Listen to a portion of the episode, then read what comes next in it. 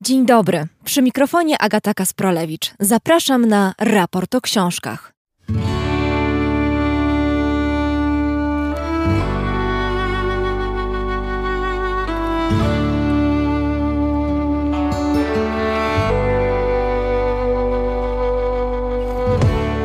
W pierwszym literackim odcinku raportu w roku 2024 spojrzymy wstecz na książki, które były dla nas ważne, które do nas wróciły i te, które nie pozwoliły o sobie zapomnieć w minionym roku.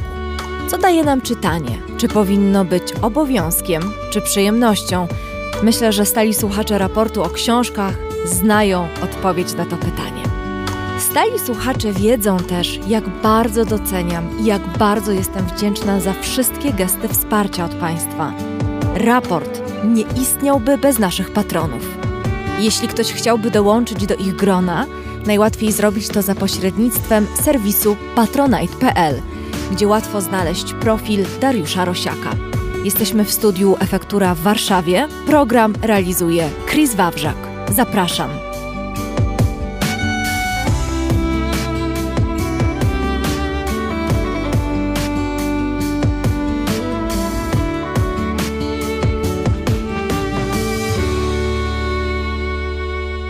A rok 2023 mam ogromną przyjemność podsumować w znakomitym towarzystwie. W studiu ze mną są Paulina Wilk, dziennikarka, pisarka, współtwórczyni Big Book Festival i Big Book Cafe, czyli promotorka czytelnictwa. Dzień dobry. Dzień dobry, dzień dobry, bardzo dziękuję za zaproszenie. I Kaja Gucio, także można powiedzieć promotorka czytelnictwa, bo jej właśnie polski czytelnik zawdzięcza przekłady wielu znakomitych książek. W tym roku tej najważniejsze to, jeśli się mylę, to mnie popraw, umiłowana Toni Morrison i Demon Copperhead Barbary Kingsolver. Dzień dobry. Dzień dobry, miło mi bardzo. E, ja, każda moja książka jest, to są takie dzieci, więc trudno wybrać ulubione, ale chyba faktycznie umiłowana nomen omen numer jeden w moim życiu. Ja do tej pory jeszcze nie wierzę, że spod mojego pióra wyszła, także tak cieszę się, że w 23 roku e, ta książka właśnie się ukazała. Nasza drużyna jest niekompletna, bo miał być z nami w studiu Pablo Pawo. Zapowiadałam to zresztą w sobotnim raporcie o stanie świata. Niestety to jest taki czas w roku, kiedy zdarza się, że budzimy się rano z temperaturą powyżej 38 stopni, z bólem gardła. No a taka sytuacja komplikuje wszystkie, nawet najlepsze plany. Bardzo serdecznie Cię pozdrawiamy, Pablo, tutaj z naszego tak, studia. Życzymy, żebyś sobie leżał i czytał, bo to jest najfajniejsze w chorowaniu. Zazdrościmy poniekąd. No nie temperatury, właśnie. ale możliwości leżenia pod kołderką z książką. No właśnie, ta nieobecność y, Pawła Sołtysa y, podrzuciła mi mm, pomysł na nieco inny początek audycji niż początkowo planowałam, bo pomyślałam sobie, że zapytam Was o takie książki dobre na moment, który ja nazywam momentem czytelniczej beztroski, czyli spada nam nieco ta temperatura, powiedzmy do 37 y, z jakimś tam dodatkiem. Leki zaczynają działać, no ale nadal musimy zostać w łóżku. Jakie to są książki, które chciałybyście przeczytać, na które zwykle nie ma czasu, bo zawsze są te w cudzysłowie ważniejsze, te pilniejsze, te, które bardziej należy czytać? No właśnie. No słuchajcie, ja y, śpię w sypialni, która ma dwie ściany zajęte biblioteką. I to oczywiście nie jest cała biblioteka, jaką mam w domu, bo te książki już są wszędzie i pewnie jak wielu kochających czytanie obrastam nimi i mam fantazję, że zginę kiedyś pod naporem tej literatury. Ale też całe życie towarzyszy mi taka fantazja rozgrzeszająca z kolejnych zakupów książkowych, że jednak dopóki marzymy o tym, że przeczytamy te wszystkie książki, na które ja akurat patrzę po przebudzeniu i przed zaśnięciem, to to jest, no to jest taka fantazja o nieśmiertelności, że ja to wszystko zdążę i, te wszystkie światy, które e, czają się w tych książkach i po prostu wchłonę, albo to one pochłoną mnie. I ja takich fantazji na ten wolny czas czytania mam mnóstwo, ale Chciałam paradoksalnie powiedzieć o książce narzędziowej, która pozwala dać sobie prawo do czytania. Ja mówię bardzo poważnie, nie wiem, e, ile istnieje czynności, aktywności w naszym życiu tak wartościowych i treściwych jak czytanie. Z tego, co mi wiadomo z rozmaitych badań, które też czytuję, to jest jedna z najlepszych rzeczy, jakie możemy zrobić ze swoją e, chwilą w życiu, dlatego że to czytanie nas zabiera naprawdę całych i naprawdę daleko. Jeśli czytamy literaturę piękną, jeśli czytamy ją dłużej niż jakieś 20-25 minut, tyle sieci neuronowych w głowie się e, zaświeca, tak głęboko żyjemy wtedy nie swoimi istnieniami, że nie ma e, głębszego odpoczynku niż to. I ta książka narzędziowa, którą ja bym polecała każdemu, żeby nie musiał mieć 37,5, żeby pozwolić sobie na czytanie, tylko żebyśmy dawali sobie te chwile codziennie ze świadomością, że robimy rzecz wspaniałą, odżywczą, bardzo budującą nasze życie i nasze kompetencje, to jest książka Sztuka odpoczynku. To jest świetna rzecz przełożona z języka angielskiego i inspirowana wielkim globalnym badaniem odpoczynku. Było raz do tej pory zrobione badanie The Global Rest Test. E, w tym badaniu zbadano mieszkańców ponad 140 państw na świecie, pytając ich, co im przynosi najgłębsze poczucie zrelaksowania i odpoczynku. Wyłączono z tego badania sen. Chodziło o przytomną, świadomą aktywność. Może trudno w to uwierzyć, ale ludzie na całym świecie wybrali czytanie jako te, która im daje najwięcej. Więc y, dawajmy sobie te chwile, y, jakie by to czytanie nie dawało nam y, przyjemności odpoczywania. Nie ma złego czytania, nie ma książek, które są stratą czasu, a w tej książce Claudia Hammond, brytyjska dziennikarka BBC, która też pracuje z psychologami na jednym z brytyjskich uniwersytetów, przebadała te 10 czynności, które ludzie wskazywali jako dające im głęboki odpoczynek. I jest to fantastyczna przeprawa, taka popularno-naukowa, w której ona znalazła tropy, y, dowody naukowe na to, dowody badawcze na to, dlaczego i co przynosi nam odpoczynek. Oglądanie telewizji jest ok, słuchanie podcastów jest ok, czytanie książek jest, y, jest okay. niż ok. Dokładnie. I to y, ja myślę, że w ogóle danie sobie tego czasu na, na na po prostu istnienie i to, co ja nazywam czytaniem w cywilu, y, bo oczywiście czytam, jak my wszystkie tutaj rozmawiające dużo zawodowo, jest po prostu chwilą szczęścia. Ja w tym roku y, mm, bardzo długo patrzyłam na fikcję Borgesa, aż je ze sobą wzięłam na taką chwilę odpoczynku i relaksu. To była lektura, która była dla mnie dużym oczywiście umysłowym wyzwaniem i Pewnie powielokroć jeszcze będzie, bo będę do niej wracała. Mm, I co ciekawe, zauważyłam, że wtedy, kiedy mam czas wolny, wcale nie szukam lektur łatwych. Właśnie wtedy mam nadzieję, że będę miała taką przestrzeń we własnej głowie, żeby się zmierzyć z propozycjami Borgesa, albo z y, nawet bardzo taką ciężką, konfrontującą literaturą y, non-fiction, jak dziennik Janny Politkowskiej. Ale wtedy ja czuję, że mnie rzeczywistość aż tak nie dociska i ja mogę sobie pozwolić na jakieś trudniejsze w sumie zadania. Choć dobry kryminał to też A, jest to.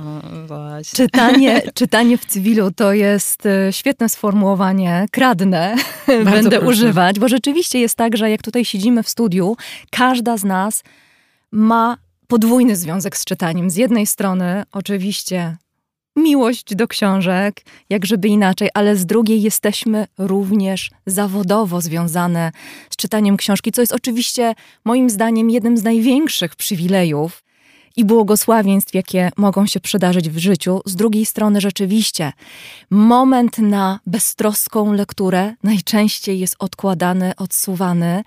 To teraz Kaja Gucio, mhm. taka książka dla ciebie, którą byś poleciła samej sobie, a może naszym e, słuchaczom w takim momencie, kiedy, kiedy no właśnie jest ten czas na czytanie w cywilu.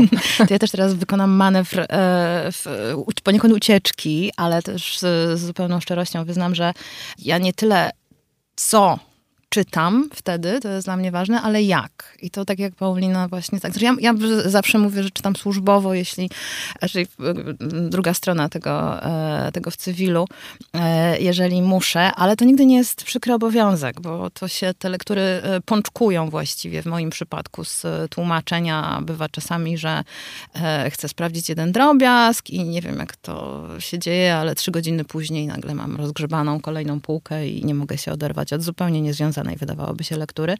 E, I chyba właśnie w takich momentach e, w takiego odpuszczenia sobie Ja czytam nieco inaczej, to znaczy przestaję się obwiniać za różne rzeczy. Przestaję się przede wszystkim. Myślę, że uwolniłam się dawno temu już od takiego poczucia, że muszę wszystko, że muszę być na bieżąco, że jeszcze to trzeba sprawdzić, że jeszcze o tym ktoś napisał albo ktoś powiedział. Więc już sięgam po tytuły, bo akurat leżą koło mnie, bo to, no, to tak jak w przypadku myślę nas tutaj wszystkich, rzeczywiście trochę przytłacza mnie. Nie, nie chcę tego określenia użyć, nie przytłacza. Ja po, po prostu obrastam z, z, w taką jaskinię jak u Marianian trochę. I dopóki jeszcze jestem w stanie sobie wyryć w niej korytarze e, fizycznie i mentalnie, to myślę, że jest wszystko ok. E, I też długo mówiłam o e, tak zwanym stosiku wstydu. Właściwie w moim przypadku już to są regały hańby, bo to się gromadzi. Ale dlaczego się tego wstydzić? Tego, co nieprzeczytane? No bo to jest perspektywa na przyszłość, bliżej nieokreśloną z jednej strony. I, i tego, co przeczytane też się już nie wstydzę, bo to w, literatura tak zwana gatunkowa, poproszę, czy kryminalna, czy, czy, czy, czy też nawet trudno czasami mi zakwalifikować. E, jeśli sprawia mi przyjemność, jeśli bez e, e wstrętu przerzucam kartki, dlaczego nie? E, I jeszcze jedna rzecz, na którą właśnie w takich chwilach, powiedzmy, słabości daję sobie przyzwolenie, to jest to, żeby czytać e, fragmentarycznie. Bo e, z, jeszcze w, w parę lat temu usiłowałam trochę ten swój wewnętrzny i zewnętrzny chaos ogarnąć i tak usystematyzować, czy to z klucza na przykład geograficznego, czy to historycznego, czy to gatunkowego.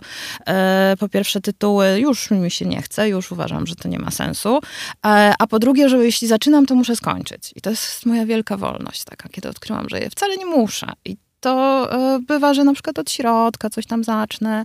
E, nauczyły mnie tego eseje, zbiorki esejów, że można sobie wybrać jeden, e, drugi, czasami wrócić, czasami nie wrócić.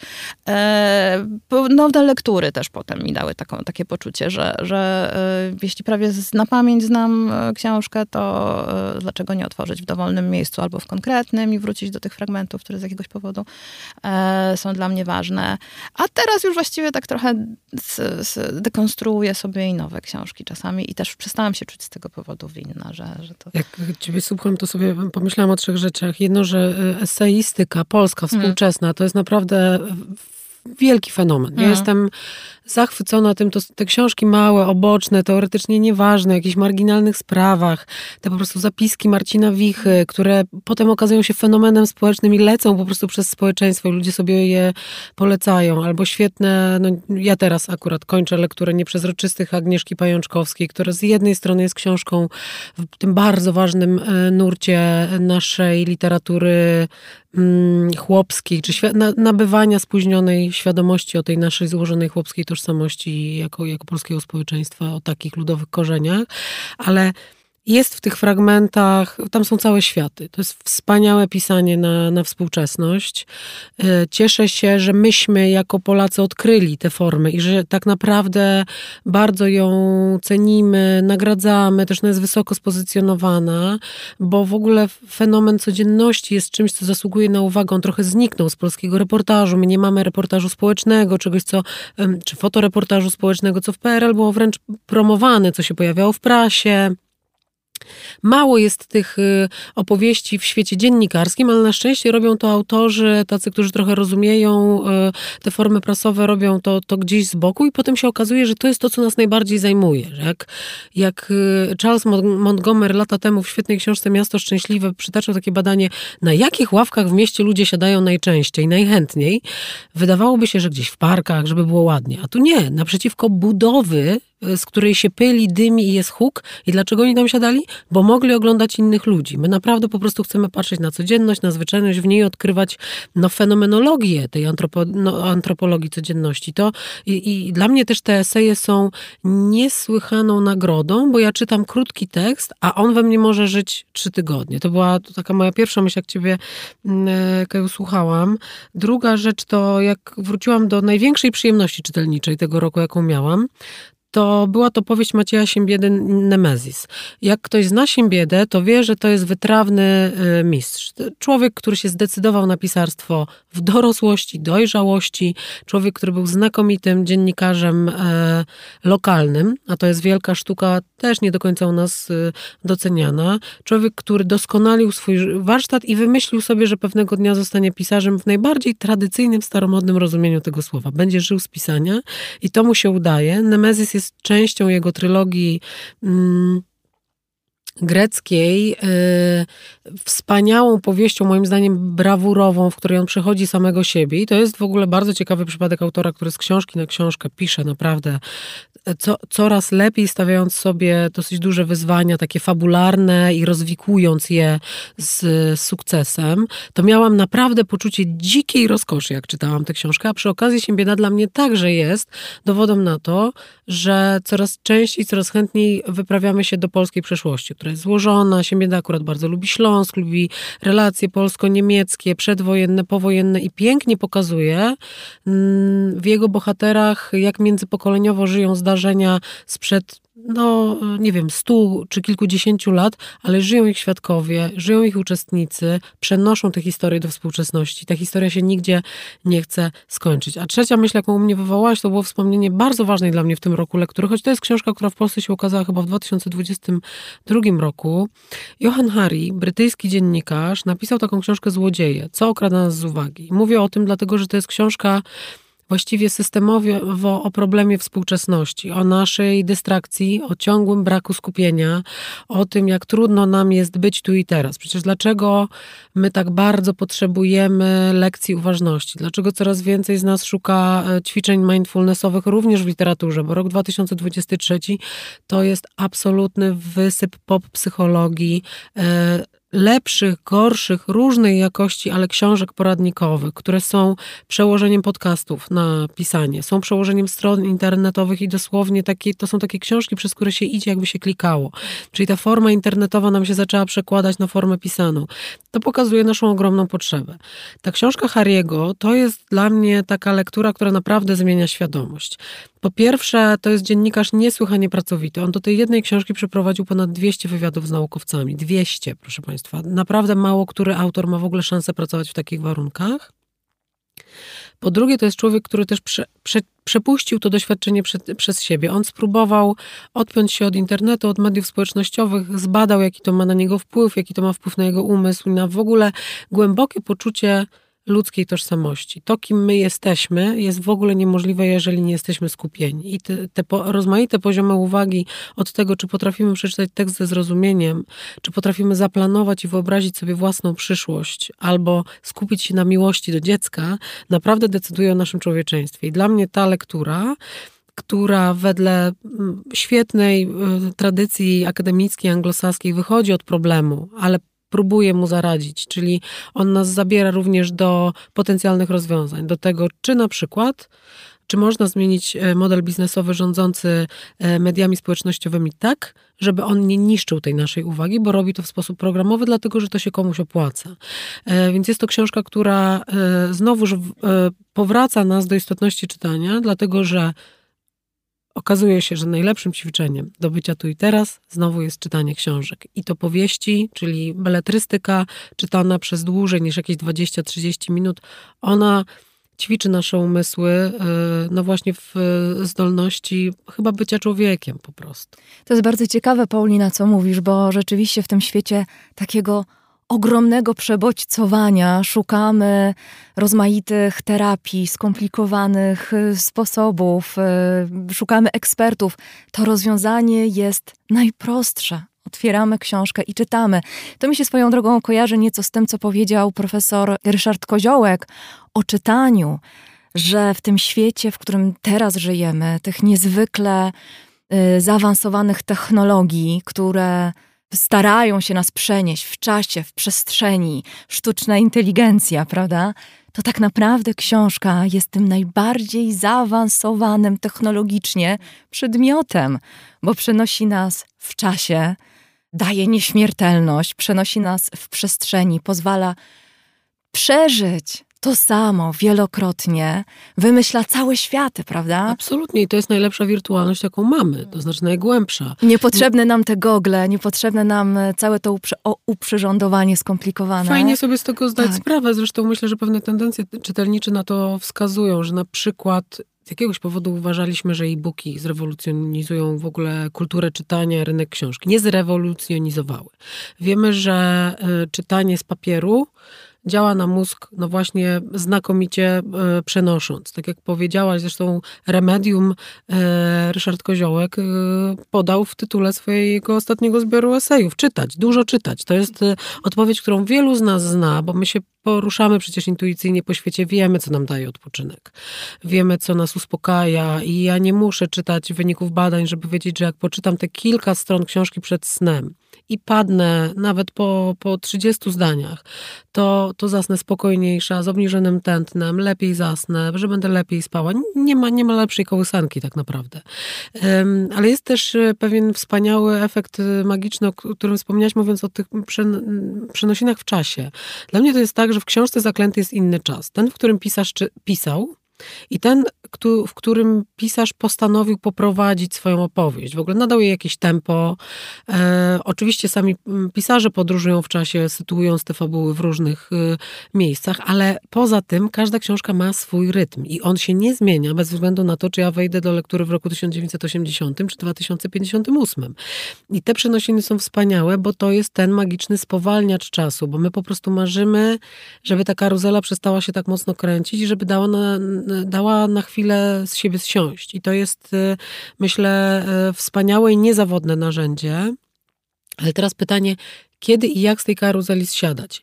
Ja mam przyjemność prowadzić w Big Book Cafe taki cykl książki mojego życia, do którego zapraszam rozmaite, ważne postaci polskiego życia publicznego, które nie są literatami zawodowymi. Zdarza się, że pisują książki, e, ale są politykami, prawnikami, naukowcami, rozmaite zawody wykonują. Oni jednak opowiadają, to są wszystko ludzie, którzy czytają na potęgę. I ja zawsze ich pytam o to jak. Jak? Gdzie, gdzie znajdują te szczeliny istnienia, w które się można wcisnąć z tą książką i ukryć przed wszystkim.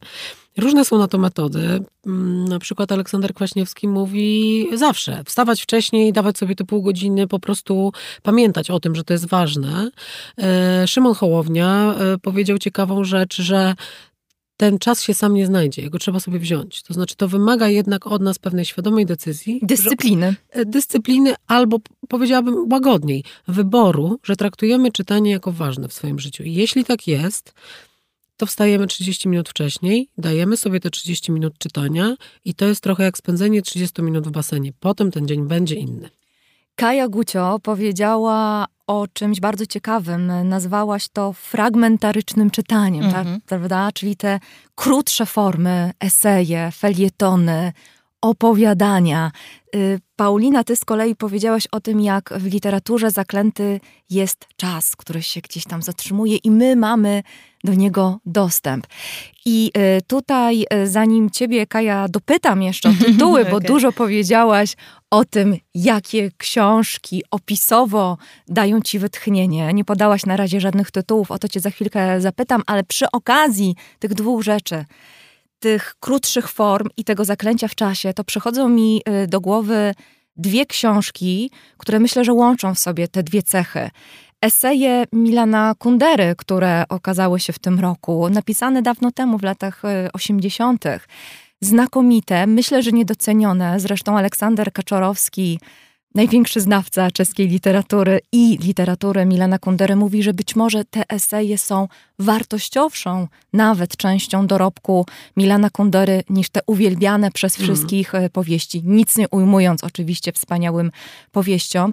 Druga taka książka, która nie jest nowością roku 2023, to jest w ogóle książka z lat 20. ubiegłego wieku, czyli 100 lat, która dopiero kilka lat temu po raz pierwszy w polskim tłumaczeniu się ukazała. To są z kolei reportaże czy też zapisy z podróży e, Szandora Maroja, mm.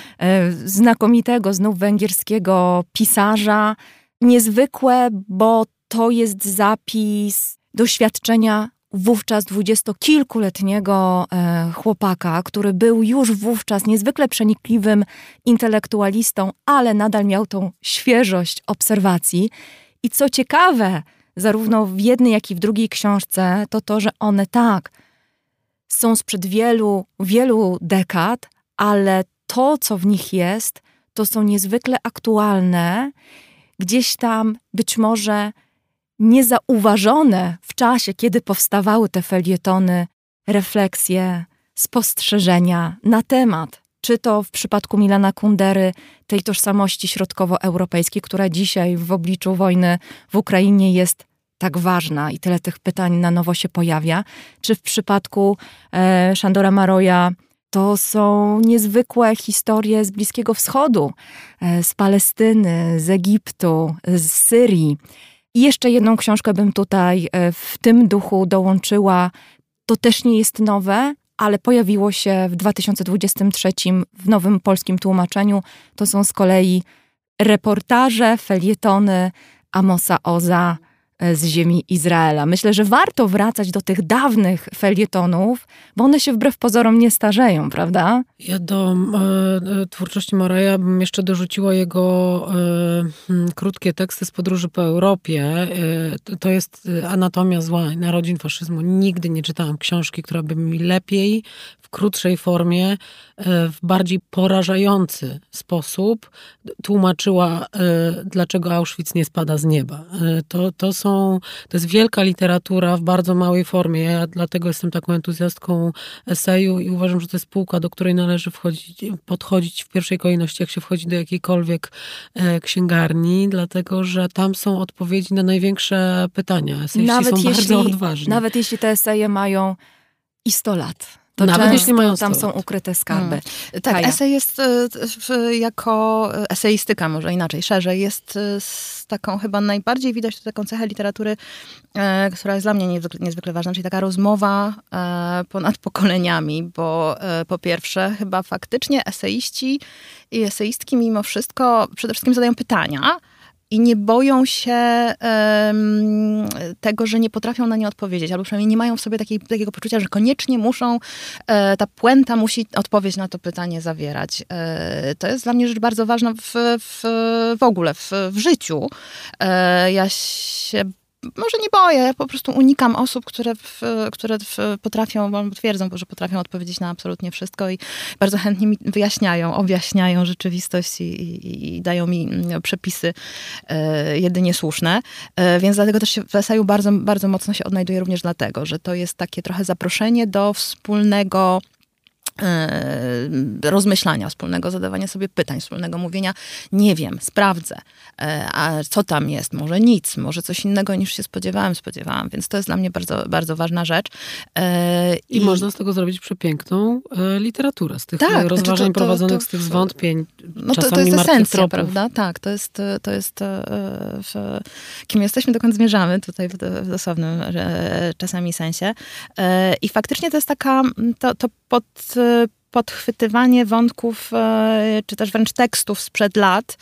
E, I, i, i to te głosy rozbrzmiewają 100, 100 lat, stulecie to czasami jest bardzo krótki okres, prawda? Bo to się te rozmowy prowadzi nieustannie. I wydaje mi się, że mimo wszystko, mimo tej mnogości, nie jest to chaos, to nie jest kakofonia dźwięków, to są jednak mimo wszystko dosyć harmonijne dialogi do naszych zadań, tylko należy wybranie sobie, skupienie się na tym, który w danym momencie gdzieś tam, e, gdzieś tam rezonuje. I czasami to w, z klucza rzeczywiście w jakiegoś tematycznego, bo, bo szukamy, e, z, a czasami czysto przypadkowo. Ja też uważam, że najlepiej jest po prostu podejść do, do regałów e, i w, sięgnąć na, na oślep i, i znajdzie się tam e, coś, co w przypadku e, beletrystyki bywa w, różnie. Trafimy lepiej, gorzej, natomiast w przypadku eseju zawsze coś tam tam, coś tam nam zostanie. Ja bym tutaj wymieniła, e, to też moja lektura z, z tego roku, a lektury szerzej e, autora, Piotrka Pazińskiego. I to nie tylko dlatego, że robimy zakupy w tym samym warzywniaku, e, ale dlatego, że jest to fantastyczny autor, który przede wszystkim właśnie zadaje te pytania, takie pytania, może tak, w ten sposób zadaje sobie pytania i szuka odpowiedzi, zaprasza do szukania tych odpowiedzi razem z nim. Atrapy istnienia to jest taka rzecz, która na mnie zrobiła gigantyczne wrażenie, również dlatego, że ja z jakiegoś powodu od dłuższego czasu strasznie mnie fascynowały e, automatony. fascynowały i przerażały zarazem. Czy, e, czy figury w ogóle, tak on pisze właśnie o o wszystkich tych atrapach. E, gdzieś tam z tyłu głowy mam bal manekinów, którego się strasznie bałam jako dziecko. Gdzieś się tam też przewijają jakieś takie, w, w, gdzieś tam i Pigmalion, te wszystkie takie motywy w, tchnięcia życia w, Frankenstein. Też jedna z ważniejszych dla mnie w życiu lektur. Więc on to w fenomenalny sposób spina w taki cykl tekstów e, i mimo, że o tych atrapach piszę, to tak naprawdę z, to jest o istnieniu i w, bardzo zachęcam i w ogóle do jego eseistyki, e, bo jest to, to jest rzadki przypadek erudyty, e, który pisze przepięknym językiem. To jest czysta przyjemność. Ja mu podkradam różne frazy i zapisuję sobie do umieszczenia w, w, w jakimś tam przekładzie, ale absolutnie nie alienuje. To jest, to jest czysta przyjemność obcowanie z, z jego i prozą, w, i beletrystyką opisywał i eseistyką właśnie. Ja bym jeszcze do tej kategorii, jak to ładnie Kaja nazwałaś, y, czytania fragmentarycznego dodała Wojnę, antologię reportażu wojennego Wojciecha Jagielskiego, która to książka ukazała się w tym roku. Też to nie jest książka do przeczytania na raz i w ogóle nie należy tak myśleć, bo ma ponad tysiąc stron. I y, myślę, że y, nawet fizycznie to jest niemożliwe, żeby ją raz przeczytać, choćby z uwagi na jej ciężar. No, chyba, że czytamy w wersji elektronicznej, tak. Ale to jest, myślę, że ważna i taka bardzo wzbogacająca, możliwie wzbogacająca nas lektura, bo z jednej strony widzimy, jak ten reportaż wojenny się zmieniał, jak kiedyś to wielcy pisarze mm. literatury mm. pięknej. Mm. Te reportaże wojenne pisali z jednej strony, z drugiej, jak pewne rzeczy się nie zmieniają. Jak opisy wojny, nie wiem, z 41 roku mogłyby być przeniesione na te konflikty zwłaszcza te psychologiczne opisy. Mhm. Ja, ja czytałam, ja przeczytałam większość tej książki mhm. i zgadzam się z tobą, że ją trzeba sobie gryźć po kawałeczku. Zresztą oczywiście wspaniałym wejściem w tę książkę są same rozdziały napisane przez Wojciecha Jagielskiego. Wspaniale, powiedziałabym, nieuporządkowane. To znaczy on sobie nie narzucił jakiejś dyscypliny, że te wszystkie rozdziały mają jakoś porządkować, tę wojnę, nie wiem, ogarniać, zagarnąć ją w jakieś, w jakieś garnizony, po prostu poukładać, żeby to miało sens. Zresztą nie do końca pasuje mu słowo antologia. Tak, to prawda, no bo to jest jednak osobisty wybór jego jakiś dokonany. O, otóż okazuje się, że opisywaliśmy jako ludzie wojnę tak intensywnie i tych wojen było tak wiele, że przecież ten wybór, którego on dokonał z raptem stulecia jest tak potężny i jego zdaniem absolutnie niewyczerpujący fantastycznie ciekawe, co mówię oczywiście z pewną dozą grozy, ale ciekawe jest to, jak, roz, jak różne są konflikty zbrojne, tak jak powiedziałaś, jak różniła się rola w ogóle reporterów na wojnie, bo byli ci zaprzęgnięci w wojny ideologiczne, dosłownie noszący mundury, pisarze frontowi. Jak e, Churchill. E, tak, tak. Albo ci, e, no Churchill bardziej ideologicznie chyba, natomiast e, no, byli pisarze radzieccy, którzy po prostu mieli, mieli e, rolę oficjalną propagandystów. Ciekawie Jagielski opisuje rolę depeszowców, tych rzekomo nieważnych, którym się zdarzyło, jak na przykład e, kobiecie będącej autorką depesza od zaledwie siedmiu dni ogłosić wybuch II wojny światowej, bo się znalazła w Polsce i miała pewien instynkt. Świetne są same jego teksty. E, doskonały tekst o tym, jak zjechali się wszyscy wojenni reporterzy świata do jednego hotelu e, w Afganistanie po atakach na World Trade Center.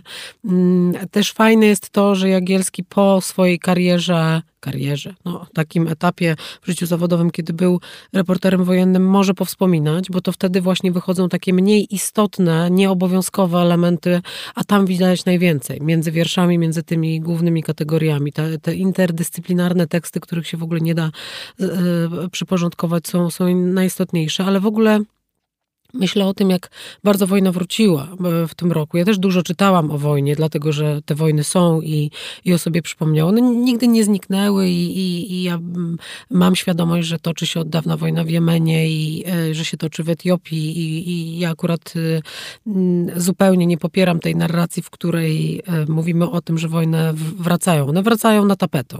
Natomiast to, to do naszego się, świata wracają. Tak, do naszego, do naszego publicystycznego też świata, więc je wszyscy bardziej czujemy, ale Poza Jagielskim ja wróciłam w tym roku do lektur Radży Szechadecha, e, który wspaniale w palestyńskich wędrówkach, w dzienniku czasu okupacji, e, w, te, w tekstach, które zdaje się, że wydawnictwo Charakter e, jakoś wznawiało, czy, czy przypomniało je w elektronicznych wydaniach, żeby można było wrócić do tej opowieści, bo to są znowuż opowieści bardzo subtelne. Szechadech jest wybitnym prawnikiem, obrońcą praw człowieka, znakomitym literatem, który po prostu opisywał zmieniający się pejzaż swojej codzienności i tego, jak bardzo już nie mógł pójść na spacer, ponieważ zabierano mu kolejne e, przestrzenie, na, ponieważ e, Izraelczycy rozbudowali, rozbudowywali stopniowo swoje osiedla i ta w ogóle opowieść o pejzażu, która jest czymś modnym, myślę, w naszej literaturze. Mamy przecież w tym roku, mieliśmy książkę nową Filipa Springera, Mein Gott, jak pięknie o tym, jak człowiek przebudowuje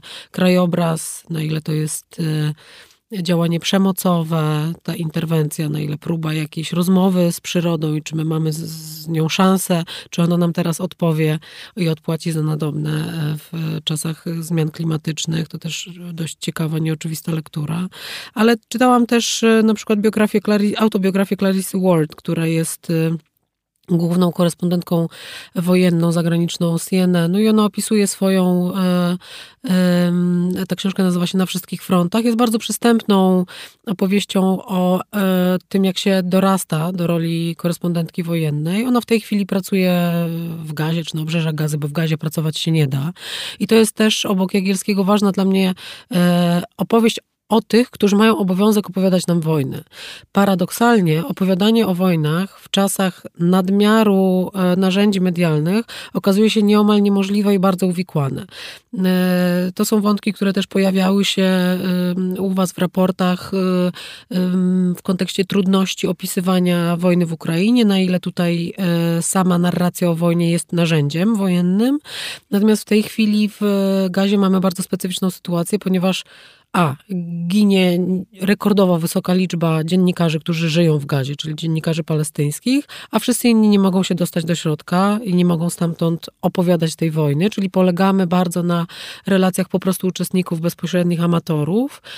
A Clarissa Ward bardzo ciekawie opowiada, jak specyficzną była wojna w Syrii, gdzie reżim Asada też nie, nie dał dostępu dziennikarzom. Ona się sama tam e, e, przedzierała, więc każda, każda wojna inna, ka, każda zatrważająca, ale ten uniwersalny walor, o którym powiedziałeś, że je wszystkie łączy, to jest jednak głęboki bezsens wojen. I to mówią wszyscy reporterzy, którzy na wojnach y, pracowali, od Ernesta Hemingwaya po, po Clarissa Ward. A ja myślę, że... Robert Fisk powiedział, że wojna to upadek człowieczeństwa. Dokładnie. I, i cierpią na niej absolutnie wszyscy. Ja myślę, ja miałam taki odruch, y, który jakoś bardzo polecam, że kiedy zaczyna się wojna, to niekoniecznie warto wsłuchiwać się w mnożące się głosy i opinie publicystów. Naprawdę lepiej poczytać e, Szechadecha, Ceruje Szalew i jej genialny los, który w tym roku dostaliśmy wraz ze wznowieniami innych jej powieści. Naprawdę warto wrócić do Amosa Oza, pójść po piękną literaturę, która e, mówi ponadczasowo o rzeczach, które trudno usłyszeć w huku bomb. Hmm. W, ja w, zamierzałam wspomnieć o e, Clarisie Ward, e, w, kiedy pojawiło się to języka jagielskiego, nie dlatego, że ją przeczytałam, ale tak się złożyło, że ją przetłumaczyłam. Ja ci w ogóle zawdzięczam dużo dobrych książek e, Ale pamiętam właśnie z, i tutaj współpracowałam z redakcyjną opieką, otoczyła tę książkę, zresztą chyba ją też, mi, znaczy na pewno mi ją zaproponowała Marysia Smolańska, więc przy okazji też i o Pawle Smolańskim przy, przy, warto wspomnieć, bo i jego lekturom wiele zawdzięczam, więc jakby też dyskutowałyśmy na, na, na ten temat. I właśnie dokładnie to są te, mm, e, wyciągnęłam przy pierwszej lekturze i przy ostatniej, kiedy sczytywałam e, właśnie e, to, to, o czym wspominałaś. I taką właśnie wizję mm, wojny, wojen, wojny, takiej jednej, w, która, e, w, w której się, w, właściwie to jest jedna tocząca się nieustannie wojna, tyle że na różnych e, e, frontach. I podejście mm, reporterki takie, które chyba było mi bardzo bliskie, czyli po pierwsze nie ego, co też no, spotykaliśmy się z tym od dawna, prawda? To też bardzo często było ja na konflikcie. To, to jest domena e, niestety wielu e, wojennych e, reporterów e, i tutaj tego absolutnie nie ma. I jednocześnie e, ważne rozróżnienie, próba zrozumienia a próba wytłumaczenia. Wytłumaczyć się nie da, bo tam po prostu nie ma sensu, więc tutaj Word tego nie podejmuje i, i inni, i inne reporterki i reporterzy, e, których sobie cenię, też właśnie unikają takich prób uproszczenia, a one są, wiadomo, no, kiedy się trzeba w segmencie tam 30-sekundowym zamknąć, e, żeby streścić e, ludziom na drugiej, po drugiej stronie globu,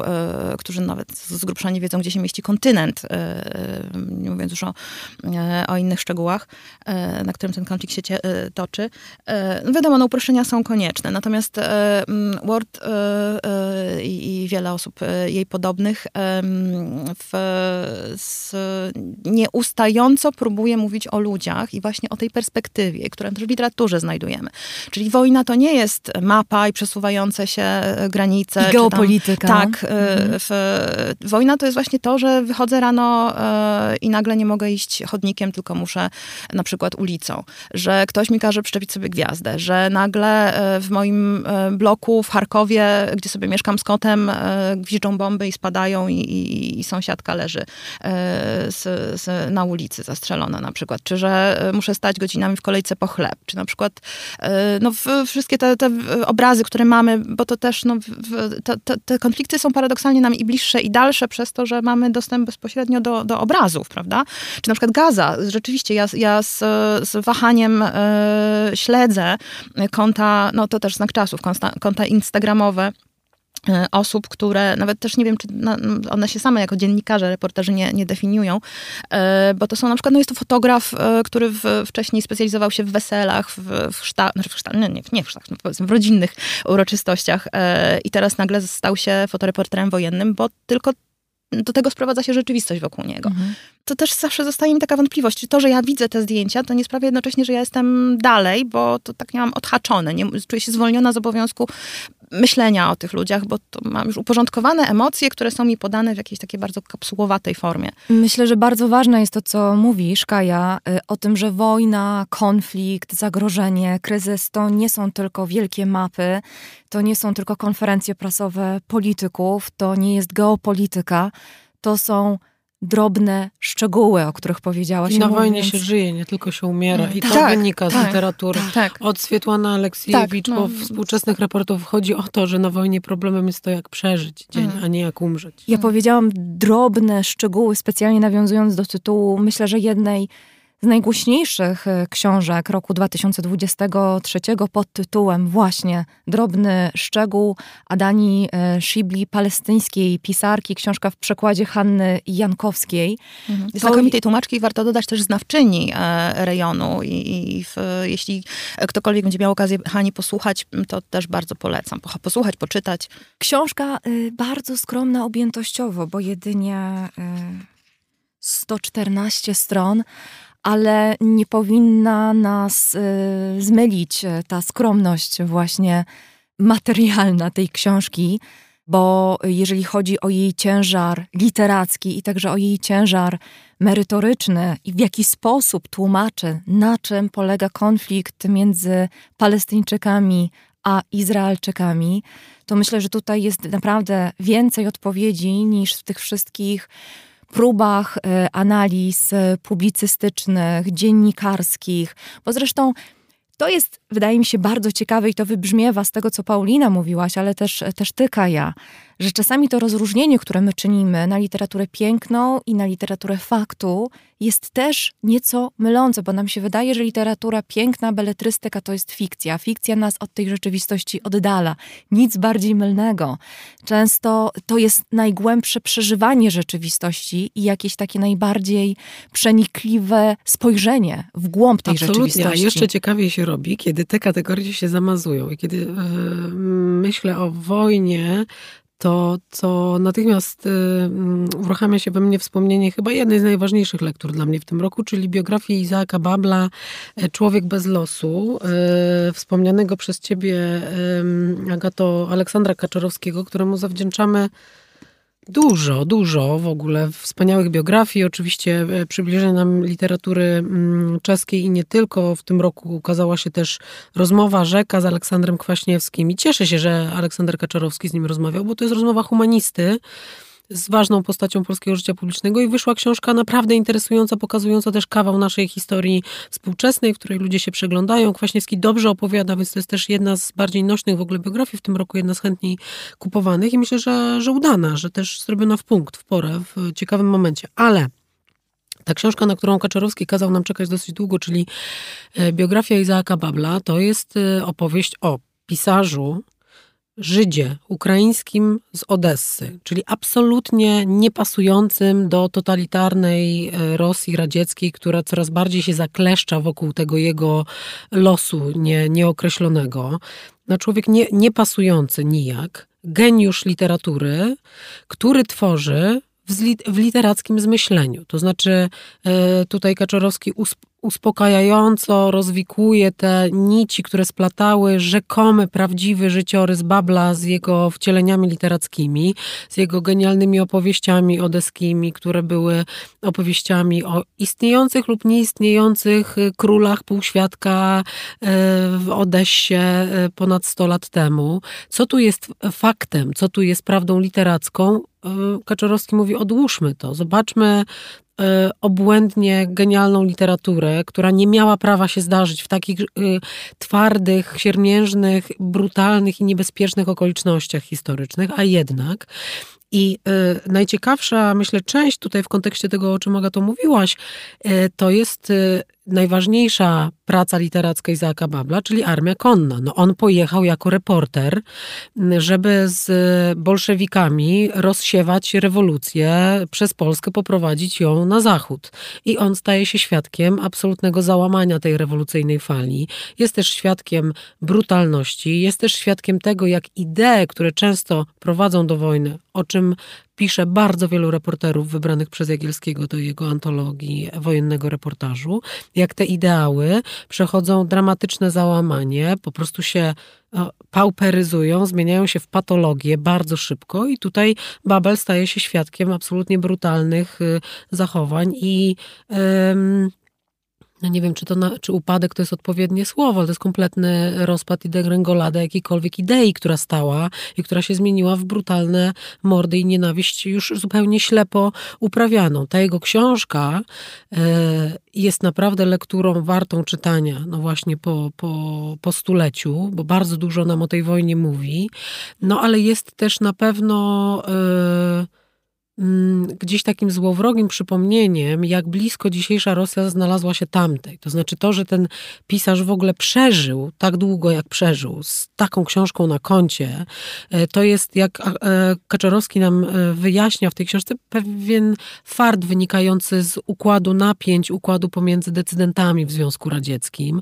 No i tak spotkał go los tragiczny i jakoś, jakoś nie, nieuchronny, ale ja natychmiast po tej lekturze jakoś głodna dalszego rozumienia Rosji. Ja wiem, że mówię w tej chwili rzecz niepopularną, bo literatura rosyjska została odsunięta, a ja się temu jakoś nie chcę poddać. Ja czytam literaturę rosyjską, literaturę faktu, czytałam nowe dramaty rosyjskie wydane przez Centrum Mieroszewskiego i naprawdę uważam, że to nie jest świetna odpowiedź odwrócić się plecami. Zresztą rozmawialiście o tym rok temu i ja jestem bardzo, bardzo blisko refleksji, które Pablo Pawo przed rokiem tutaj prezentował. No, jeśli chcemy rozumieć, co, co tam się dzieje, to naprawdę odwracajmy się do książek, bo i w biografii Babla i w, we wznowionych w tym roku kolejnych zebranych reportażach i dziennikach Anny Politkowskiej jest y, no niestety y, bardzo wiele refleksji, obrazów, które przeprowadzają prostą linię między Ros Rosją stalinowską a putinowską. Wręcz czytanie książki Politkowskiej było dla mnie trudniejsze, bo jednak czytając o Bablu czytałam o historii, e, a czytając książkę Politkowskiej, która pokazuje instalowanie reżimu Putina, no po prostu miałam notorycznie ciarki na plecach i no a pamiętajmy, że Politkowska obok Krystyny Kurcza-Predlich, polskiej reporterki, to były chyba jedyne dwie kobiety, podkreślam kobiety, które pojechały na wojny czeczeńskie wtedy, kiedy nikt nie miał e, odwagi, bo wszyscy wiedzieli, czym to im personalnie grozi. Rzeczywiście bardzo ważna biografia Izaka Babla, Pióra, Aleksandra Kaczorowskiego. Ważna też dlatego, że to pisarz niewystarczająco rozpoznany, niewystarczająco doceniony w Polsce. Mam a nadzieję... mamy go w genialnych przykładach, a sama biografia jest, słuchajcie, naprawdę po prostu porywająca. Nie jest długa, no, okoliczności życia Babla doniosłe, dotkliwe, ale naprawdę porywająco Kaczorowski.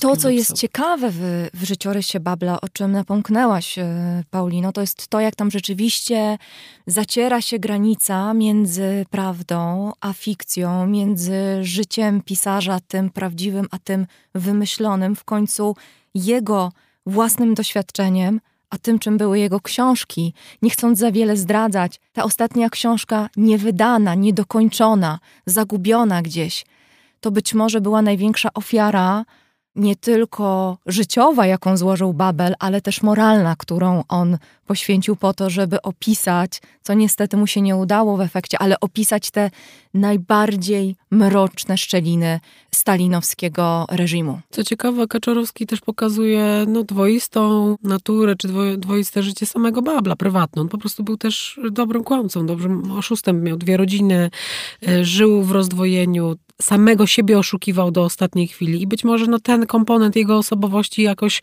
też y, pomógł mu tworzyć genialną literaturę, ale y, to, że tutaj mamy y, do czynienia z człowiekiem, który no, po prostu okłamywał również najbliższych, nie zmienia faktu, że literatura daje prawdziwe odpowiedzi. Jest taka słynna wypowiedź Ursuli Le Guin, wybitnej amerykańskiej y, pisarki, która długo była trzymana w szufladce fantazy, a potem dostała wszystkie najważniejsze literackie i cywilne odznaczenia w Stanach Zjednoczonych.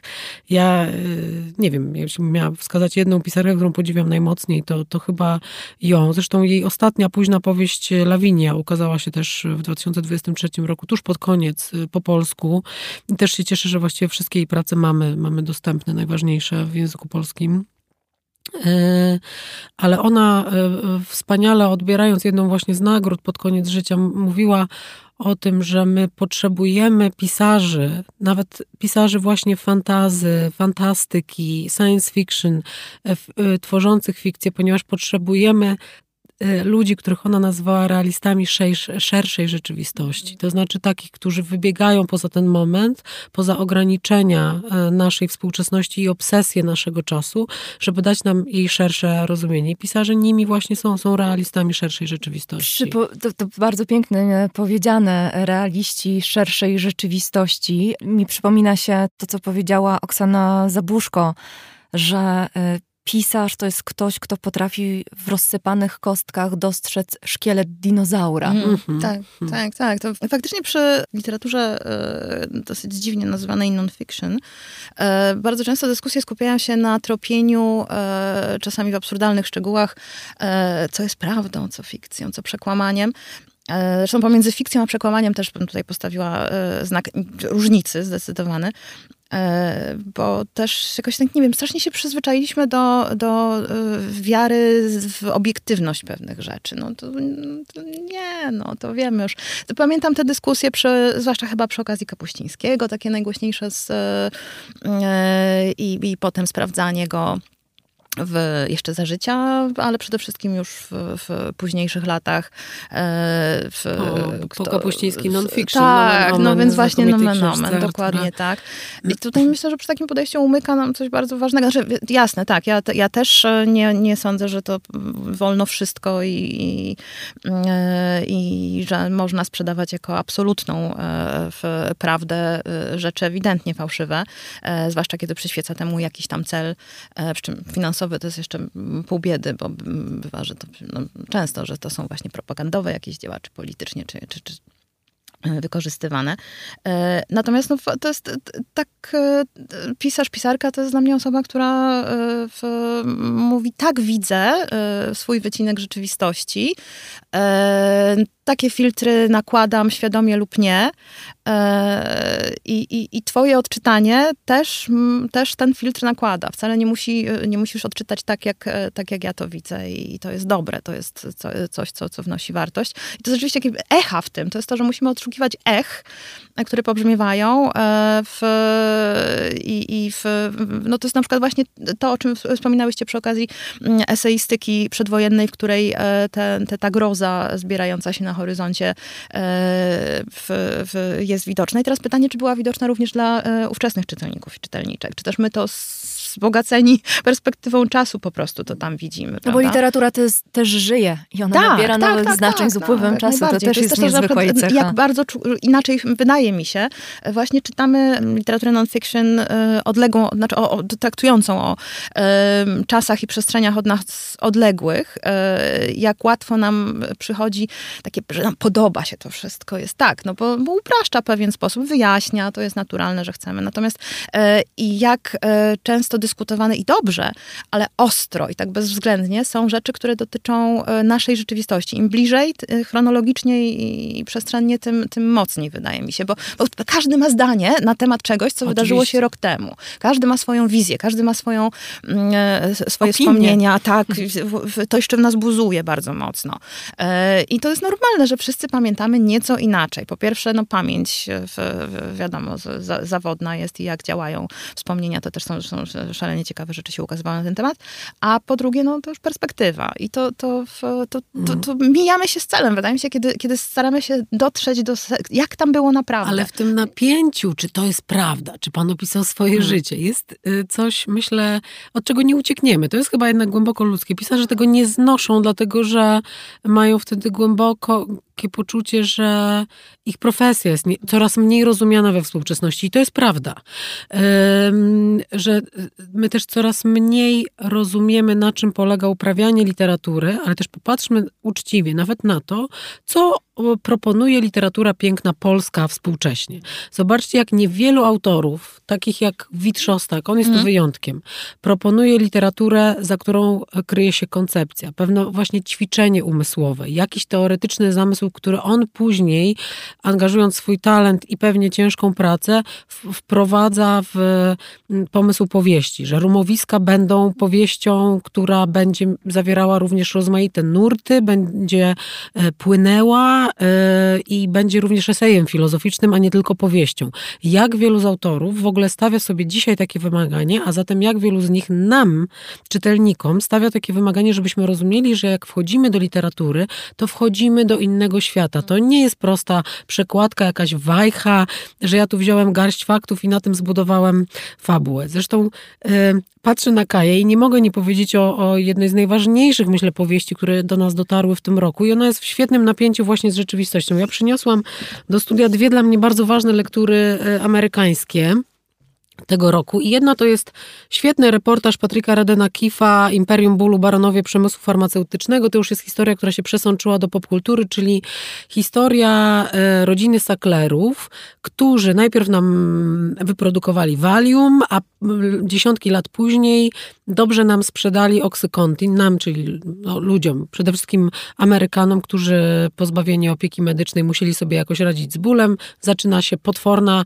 spirala, która się wciąż toczy jako jeden z największych problemów i wyzwanie zdrowia publicznego w Stanach Zjednoczonych, czyli 400 tysięcy ofiar śmiertelnych. Setki tysięcy ofiar śmiertelnych. W tej chwili już mamy e, potomków oksykontinu, czyli po prostu e, fentanyl i inne, e, i inne syntetyczne narkotyki, które są dużo groźniejsze, dużo bardziej śmiertelne. Ale to, co KIF tutaj robi ważnego, to on po prostu idzie i łapie za rękę ty to zrobiłeś, wróciłem, prześledziłem, wiem jak wpadłeś na ten pomysł, jak połączyłeś marketing z medycyną, kto to zrobił, kto to dziedziczył, jak wzmagały się razem z nowymi mechanizmami rynkowymi, reklamowymi.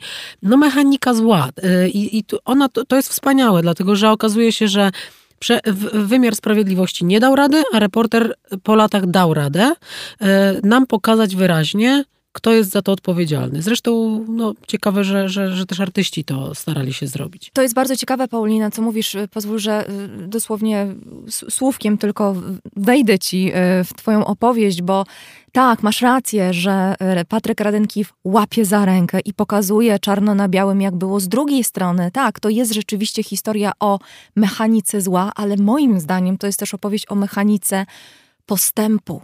I jak często ci narzędzia, które mamy, e, bywają tak, używane. ci postępowi ludzie, którzy chcą zbawiać czy ulepszać mm. świat, niestety wpadają w pułapkę e, pychy, w pułapkę zachłanności i jak te rzeczy są ze sobą e, niestety splecione bardzo mocno i ta niejednoznaczność tej historii wydaje mi się też bardzo ciekawa i wykracza w tym sensie poza literaturę faktu i staje się literaturą piękną, bo wydaje mi się, że Kif stawia uniwersalne pytania o naturę człowieka, o naturę postępu, o naturę nowoczesności. No właśnie, i tutaj się pojawia... I o naturę bólu też. Mm. To, to bez wątpienia. Tak, tak, i tutaj... podejścia naszego do bólu, do, do, do, tego podstawowego założenia, prawda, które tutaj zniszczyło.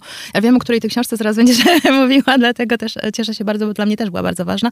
E, ale właśnie takie, takie przekonanie, że e, bólu można i trzeba uniknąć i teraz jak to zrobić? I, i jeżeli z takim e, założeniem się wychodzi, no to już mamy problem. To już na wejściu mamy problem. Tak, dlatego wtedy warto wrócić do książki Ból, Ceruj i Szalew, która no. wróciła w przykładzie chyba, w przykładzie chyba Magdaleny Sommer. Ale ja oczywiście myślę, o, bo, bo literatura non-fiction no, ma swoje granice. Tak? No, kończy się gdzieś tam, gdzie rzeczywistość, jeśli reporter robi roboty dobrze i zgodnie z y, regułami zawodu, no to on pracuje w bardzo trudnej dyscyplinie, w której masę rzeczy mu w ogóle nie wolno. Nawet tak, tych wycieczek, które wolno eseistom y, mhm. sobie serwować, jemu nie wolno. I tam, gdzie kończą się możliwości Patryka Radena Kifa, zaczynają się możliwości Barbary Kingsolver w Demonie Copperheadzie, w przekładzie Kai, mm, znakomitym. Pulitzer 2023 mm. roku. Ja już y, y, Państwu mogę zdradzić wspaniałą wiadomość, że w połowie marca Barbara Kingsolver przyjedzie y, do Polski. Y, dla mnie ta książka robi tyle rzeczy, których nie może zrobić reportaż. E, ale powiem to jednym zdaniem. Jeżeli istnieją we współczesności narzędzia, które mogą zmienić sposób rozumienia świata, to znaczy kompletnie przestawić wajchę narracji, to może to zrobić jedna książka. Tą książką, moim zdaniem, Kingsolver kompletnie zmienia postrzeganie Apalachów w Stanach Zjednoczonych, przywraca godność najbiedniejszym z biednych ludzi, przywraca godność krainie wewnętrznie skolonizowanej przez Amerykanów. To są być może takie próby, które też u nas się dokonują, e, bo my mamy teraz w polskiej literaturze i też w nonfikach bardzo dużo takich wypraw właśnie na przykład na Śląsk, na tak zwane ziemie odzyskane na Podlasie. Szukamy takiego lewara, który pozwoli nam się wydostać z rozmaitych kompleksów, przeinaczeń, nieżyczliwych spojrzeń historycznych. Tak, to było właśnie też moje bardzo mocne skojarzenie przy licznych lekturach w tym roku.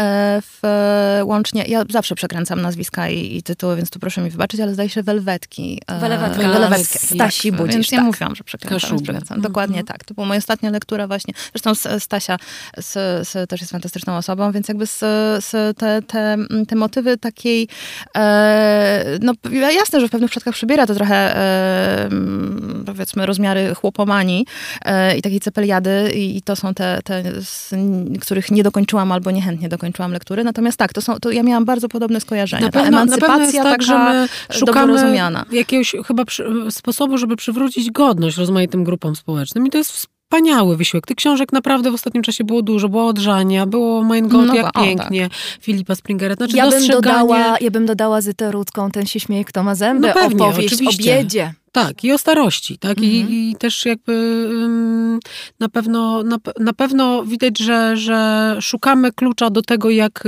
jak sobie pomóc i jak y, zobaczyć siebie w prawdzie.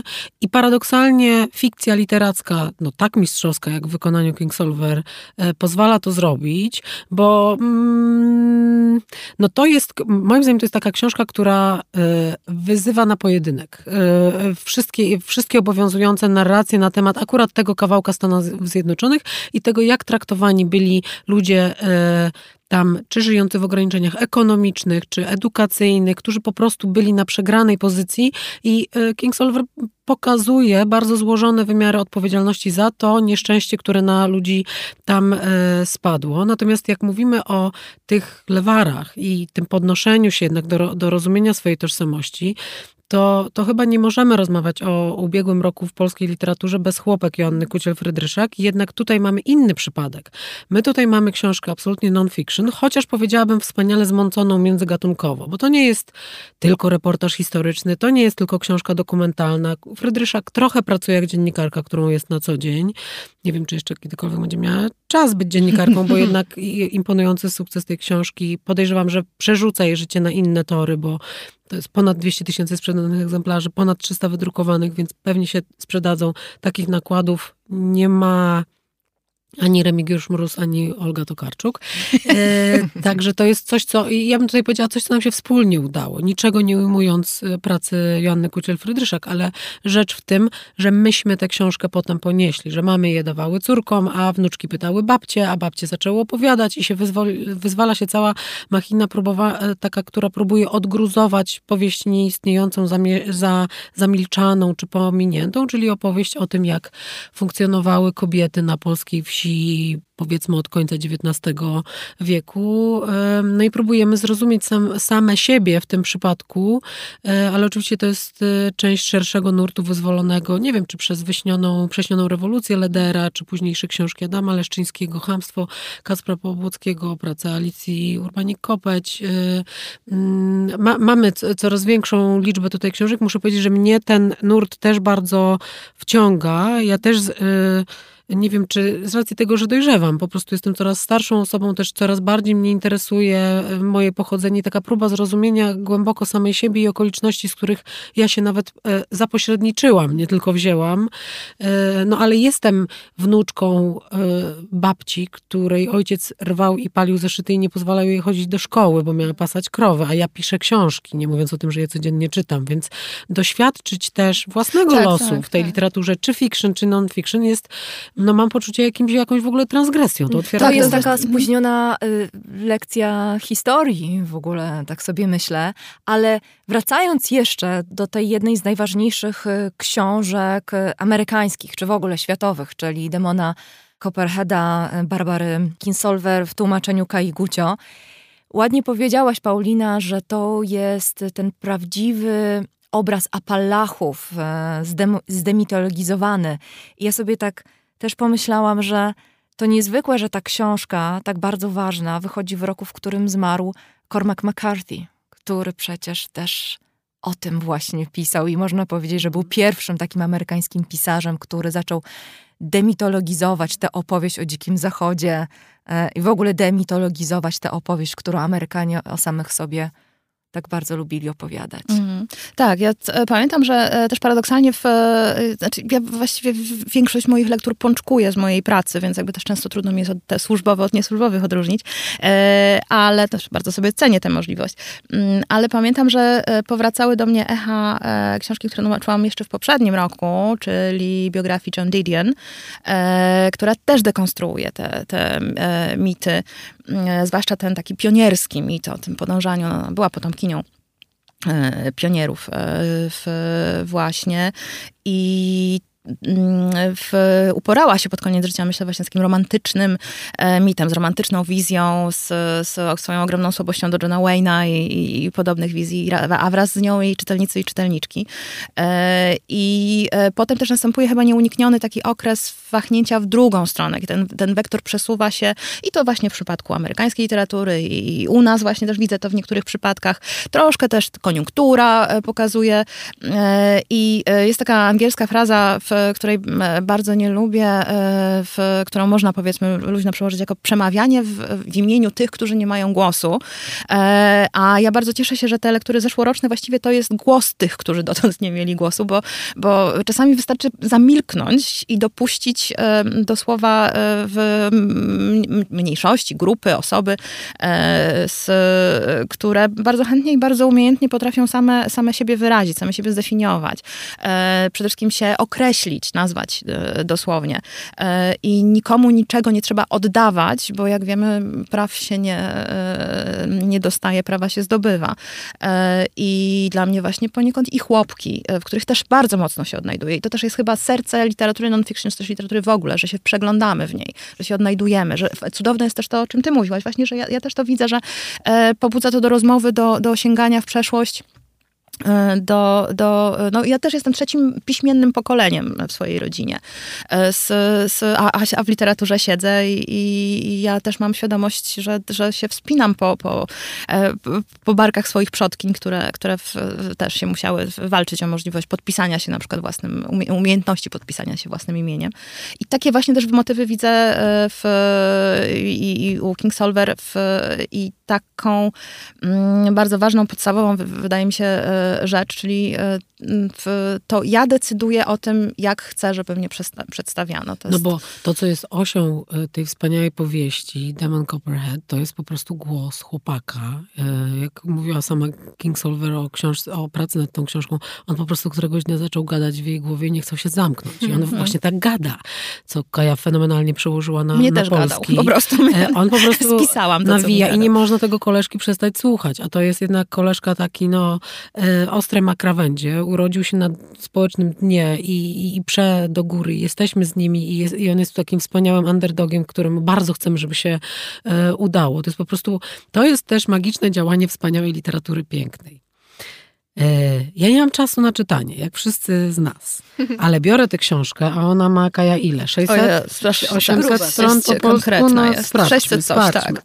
Sprawdźmy, drodzy Państwo. Ma ich 606.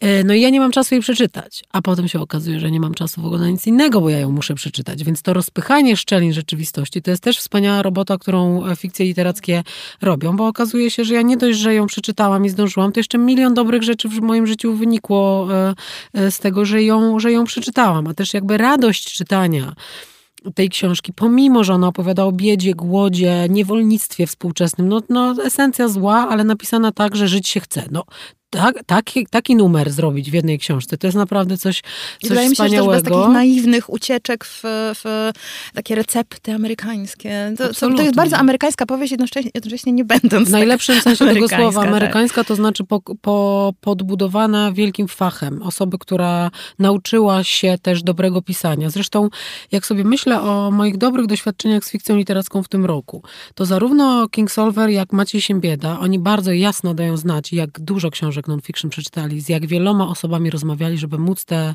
te fikcje wytworzyć, nie mówiąc o tym, że Kingsolver przecież napisała współczesnego Davida Copperfielda, w związku z czym po prostu nadpisała, no to jest trochę palimpsest tak, y, tak, Dickensa, Dickensa. Także mm. też wspaniale, że można, jak mówiłyśmy o tym, jak mówi do nas literatura sprzed 100 lat, że można wrócić, napisać ją na nowo i napisać ją genialnie. To jest też cudowne. Ja bym, ja bym miała jeszcze tylko taką jedną refleksję w tym, o czym mówimy, że jest y, taka ogromna potrzeba współczesności, żeby zrozumieć samych siebie i od, zwrócić sobie godność. Y, tę właśnie przemilczaną, czy, czy opowiedzianą przez innych, przez zwycięzców historii, którzy nas jakoś dziwnie potraktowali. Ja też na tej nucie na przykład przeczytałam książkę Normana Davisa Galicja, bo Galicja to jest, jest taka część Polski, którą odzyskujemy z zakrzywionej pamięci.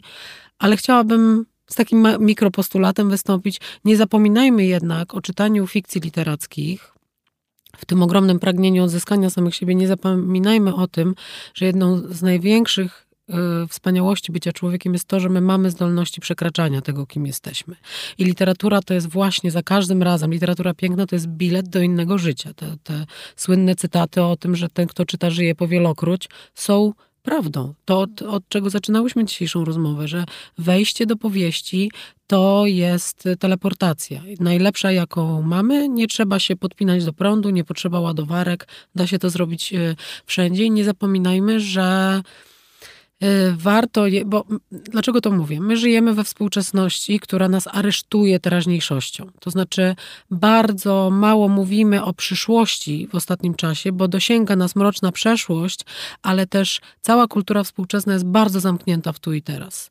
A my potrzebujemy jako ludzkość, żeby, y, żeby się zmieniać, żeby poprawiać, żeby rozwiązywać kłopoty, które mamy dzisiaj. My musimy wyłamać się z tego pudełka teraźniejszości, które internet bardzo, bardzo zacieśnia E, ja wierzę, że przyszłość istnieje, nawet jeżeli jest naszą fikcją i wyobrażeniem, to że warto e, te ćwiczenia umysłowe e, robić, a rzeczywiście literatura na to pozwala. Literatura jest najbardziej demokratyczną formą istnienia w kulturze. Można ją mieć za darmo z biblioteki, a wszyscy umiemy czytać i pisać. I to jest także dorobek naszych chłopek, które poszły do szkół. Moja babcia nie mogła pójść do szkoły nigdzie dalej poza szkołą wiejską, w której było bodaj cztery klasy i ona w tych czterech klasach siedziała chyba z 10 lat, bo tak bardzo nie chciała ze szkoły wyjść. Literatura jest e, najbardziej demokratyczną przestrzenią, powiedziałaś Paulina, i to też w tym sensie, że w książkach, w powieściach możemy usłyszeć głosy tych, którzy są zagłuszani e, na co dzień. I, albo których nie znamy. Albo których nie znamy. I tutaj y, chciałabym wspomnieć o książce, która jest drugim policerem 2023 roku, Zaufanie Hernana Diaza. Dużo o tej książce mówiliśmy w raporcie, w raporcie o książkach, więc krótko, ale to jest właśnie historia o tym, kto ma prawo do opowiadania historii. I jak słowo pisane jest wszystkim tym pięknym, o czym zdążyłyśmy powiedzieć, ale jak ma również w sobie potencjał opresyjny, przemocowy, jak możemy poprzez opowieść spisaną czyjegoś życia, to życie mu tak naprawdę ukraść i wyrządzić wielką krzywdę. To też jest, myślę, opowieść o fragmentaryczności pamięci. To jest to, o czym e, ty, Kaja, mówiłaś. To jest też książka demitologizująca Amerykę, tę Amerykę, którą tak pięknie napisał dla nas e, Scott Fitzgerald, czyli lata dwudzieste ubiegłego wieku. Hernan Diaz zupełnie inaczej podchodzi do koncepcji pieniędzy, do koncepcji tego amerykańskiego snu. Książka bardzo pięknie napisana również, to żebyśmy nie zapominali w tych rozmowach o znaczeniach, o istocie tych książek, o przyjemności w nich zawartej, to znaczy pięknie się po prostu to mm. czyta. A wspaniałe jest to, wiesz, że na przykład te wątki, o których powiedziałaś, które tak świetnie wybrzmiewają Dia, zresztą to rewelacyjnie się tę książkę czyta. Eee, ja właściwie drugi koniec tych samych rozważań mam teraz w głowie dzięki lekturze Nieprzezroczystych e, Agnieszki Pajączkowskiej, która e, e, wychodzi od konkretnych fotografii znalezionych. To, to, to jest opowieść o fotografii chłopskiej i wiejskiej, albo o tym, kiedy chłopska bywa wiejską, a kiedy nie bywa. E, to jest właśnie, tak jak e, Kaju powiedziałaś, e, zestaw pytań bo, i rozważań. Wspaniałych, genialnych, można się masy rzeczy dowiedzieć albo właśnie samym sobie dać zadanie różnych rozmyśleń, ale to jest też opowieść o tym, kto robił te zdjęcia, z jakich intencji, czy Pajączkowska fenomenalnie porusza te wątki, kto ma prawo do opowieści, kto ma prawo do obrazowania, kto to robił, dlaczego te zdjęcia były niszczone, dlaczego ich nie ma w polskich muzeach, dlaczego nie są uznawane za istotny nurt w naszej historii, ale też absolutnie nie opowiada o chłopach tylko jako ofiarach zamilczania systemowego. Ona też opowiada o tym, jaki oni mieli stosunek do swojego życia, jak i po co oni się fotografowali, że oni byli sprawcami i właścicielami i narratorami własnej historii. I robi tą pracą dokładnie to samo, co King Solver pisząc wielką opowieść i przywracając podmiotowość i tożsamość bardzo rozmaitym motywacjom i życiorysom ludzi, którzy stanowią jakąś grupę, którą my po prostu wpychamy mm. w upraszczające e, określenia. Więc tak. bardzo jest też ciekawe to, że literaci na całym świecie zajmują się bardzo podobnymi e, dylematami, że ta współczesność tak rozsiewa drobne swoje ślady w literaturze naszych czasów. No, e, mam nadzieję, że ktoś czytający czy Diaza, czy Pajączkowską za, za 100 lat, no, będzie znajdował właśnie olśniewające dowody na ich przenikliwą mądrość, która będzie działać y, też wtedy.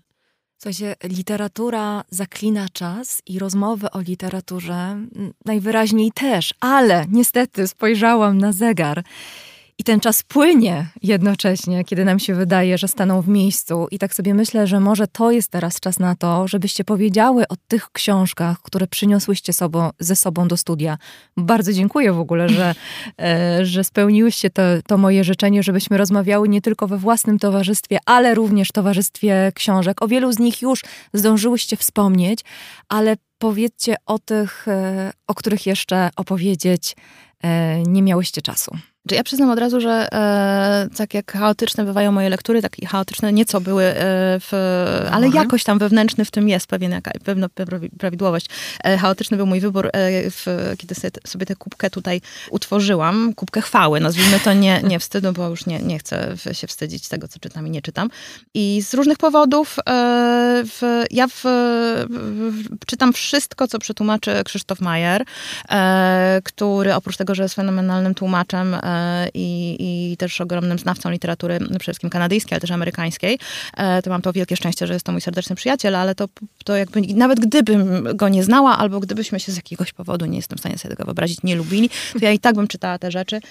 E, bo, bo są prześwietnie e, przełożone i w, w, też Krzysiek tłumaczy niewiele, ale bardzo często są to rzeczy, które on proponuje, wyszukane, wyłuskane, e, też miałam e, okazję dwukrotnie e, e, z, z, nim współpracować jakby przy, przy zbiorkach opowiadań, więc wiem jak, jak to, to w, czyta i jak do tego podchodzi. I, i z, z, tego w, z zeszłoroczne, zresztą w, nominowane do Nagrody Literackiej Gdynia za przykład David Markson i kochanka, kochanka Wittgensteina.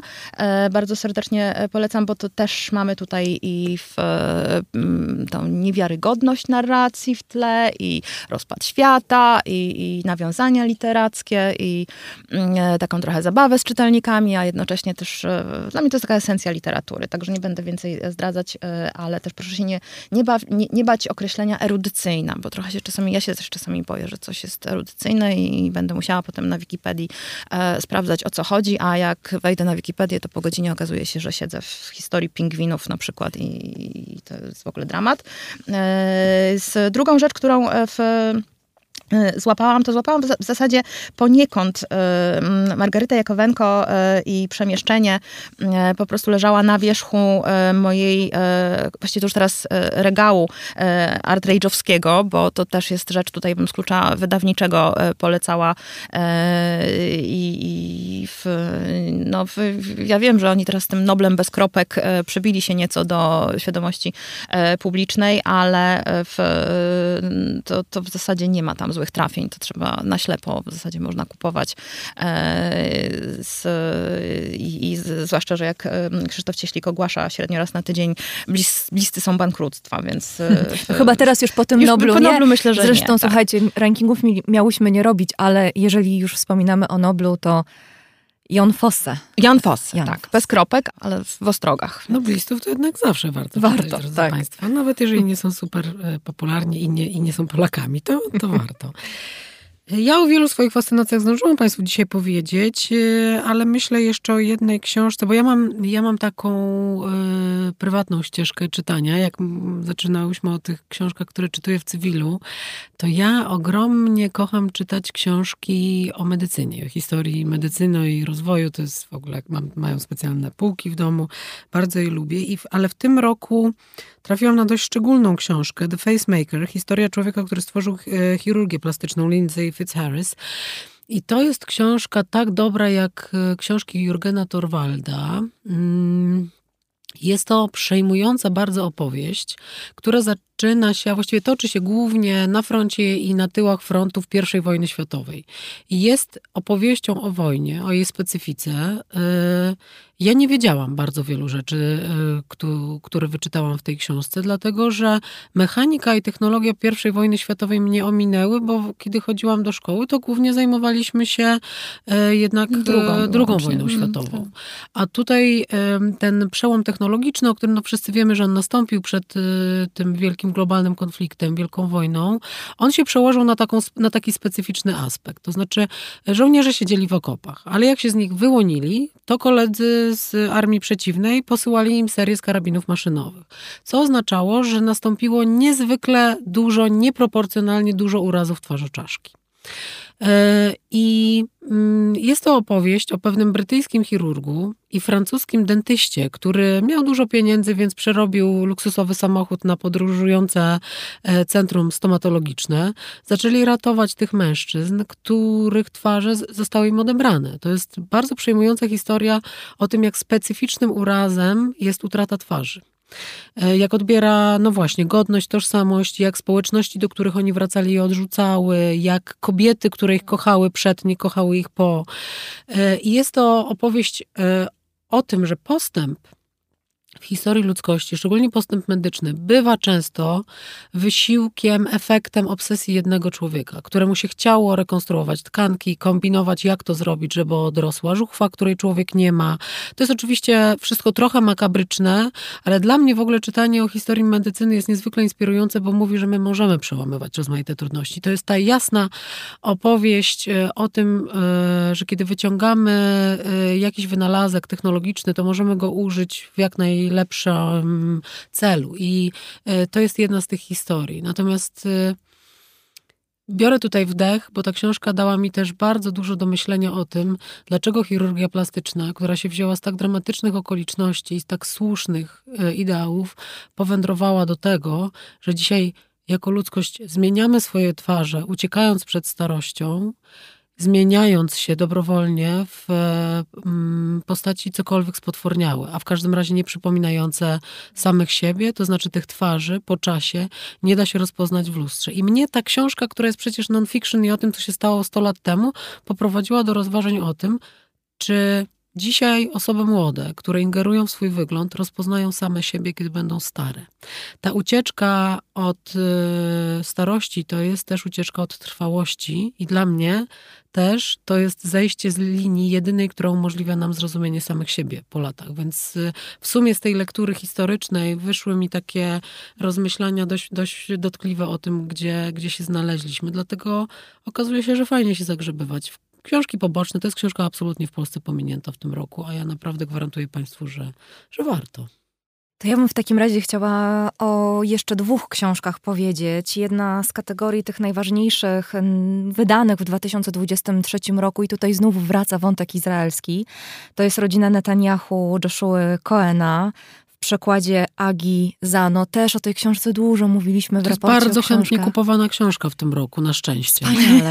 To bardzo dobrze. Absolutne mistrzostwo literackie Joshua Coena. Tylko wielki pisarz może połączyć rozważania filozoficzne nad naturą historii, nad naturą diaspory z komedią slapstickową. To mu się udało.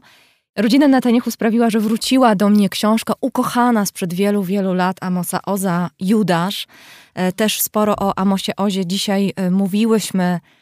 To jest pisarz, e, który no, w nieodżałowany sposób nie został nagrodzony Noblem, skoro o Noblach mówimy.